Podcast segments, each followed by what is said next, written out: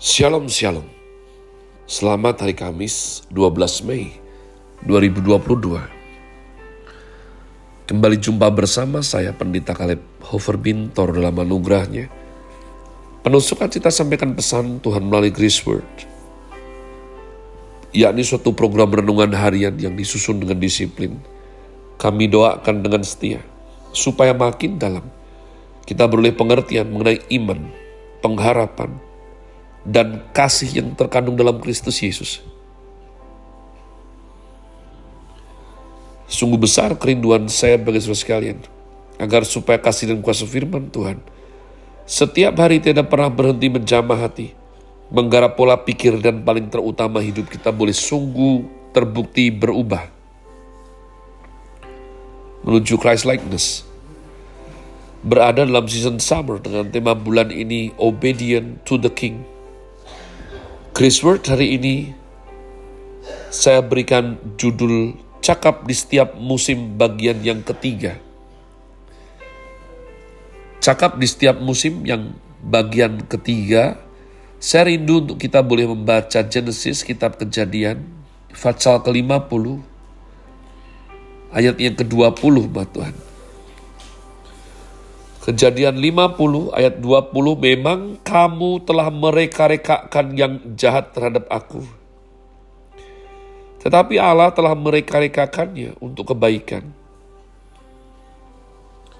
Dengan maksud melakukan seperti yang terjadi sekarang ini. Yakni memelihara hidup suatu bangsa yang besar. Memang kamu telah mereka-rekakan yang jahat terhadap aku tetapi Allah telah mereka-rekakannya untuk kebaikan. Dengan maksud melakukan seperti yang terjadi sekarang ini, yakni memelihara hidup suatu bangsa yang besar. Umat Tuhan kita belajar bagaimana seorang manusia bisa cakap di setiap musim.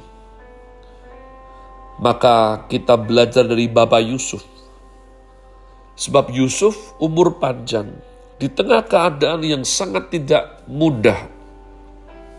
Yusuf tidak hanya menghadapinya dengan sangat bagus umat Tuhan. Bahkan dia memberikan inspirasi kepada kita bagaimana minoritas dapat main di tengah-tengah mayoritas.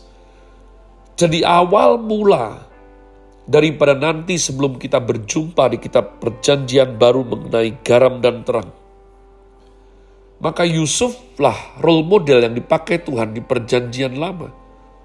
Untuk betul-betul memberikan gambaran bagaimana berperan sebagai garam, sebagai terang. Keberadaannya di tanah Mesir sebagai minoritas. Keberadaannya sebagai orang yang dijegal, disabotage, toh tidak menghentikan dia menggenapi rencana Tuhan. Belajar dari Bapak Yusuf adalah membuat kita berpikir ulang bagaimana memberikan alasan mengapa kita terus gagal. Yusuf hidup tidak dengan alasan umat Tuhan. Yusuf hidup dengan memegang erat hukum-hukum Tuhan guarantee in the law of God. Dalam keadaan yang begitu sulit sekalipun, Yusuf memegang hukum Tuhan. Kemarin sudah kita bahas rahasia bagaimana Yusuf menolak suatu godaan yang begitu sulit diajak tidur dengan nyonya besar. Ya, bukan budaya, bukan mengenai kenyamanan, bukan mengenai takut bermasalah. Satu yang dia pegang, yakni takut akan Tuhan. Maka umat Tuhan,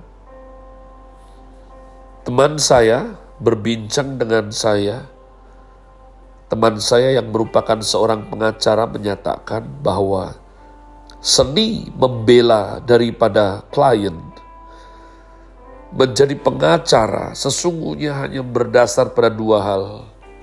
Teknik-teknik lain mengikuti daripada dua hal tersebut, yaitu kebenaran dan bagaimana terus menerus mendefinisikan ulang kebenaran. Digeser sedikit-sedikit, digeser sedikit-sedikit, sehingga mencapai kebenaran yang diinginkan, kebenaran yang kita setting, yang kita geser dari kebenaran yang semula. Cara yang kedua adalah betul-betul memegang kebenaran dan pertahankan walaupun musuh berusaha menggeser daripada kebenaran tersebut untuk menjadi kebenaran yang diinginkan pihak lawan. Nah, di sinilah peran kita sebagai Kristen, sebagai garam, sebagai terang. Apakah kita ini bisa menjadi teladan umat Tuhan?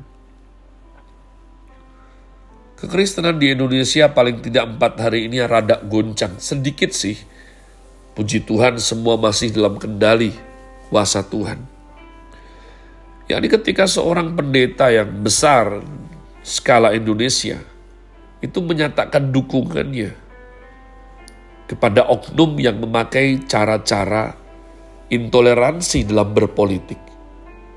Waduh, geger umat Tuhan. Padahal masih ada contoh khotbah yang beliau sampaikan bahwa kalau berpolitik dengan uang itu dia keras sekali sebut sebagai pelacur.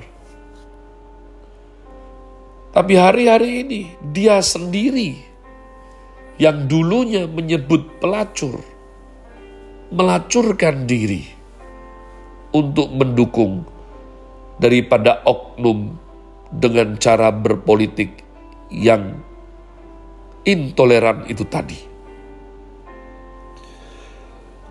Bisakah kita jadi teladan? Role model?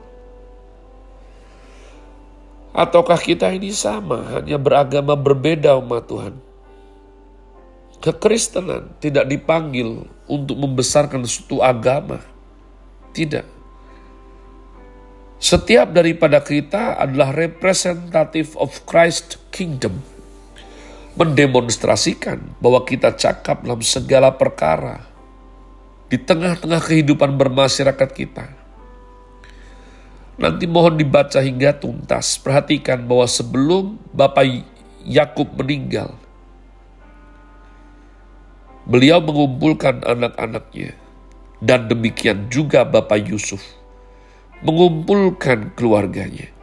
Maka ada transfer, ada impartasi, ada iman yang disampaikan lintas generasi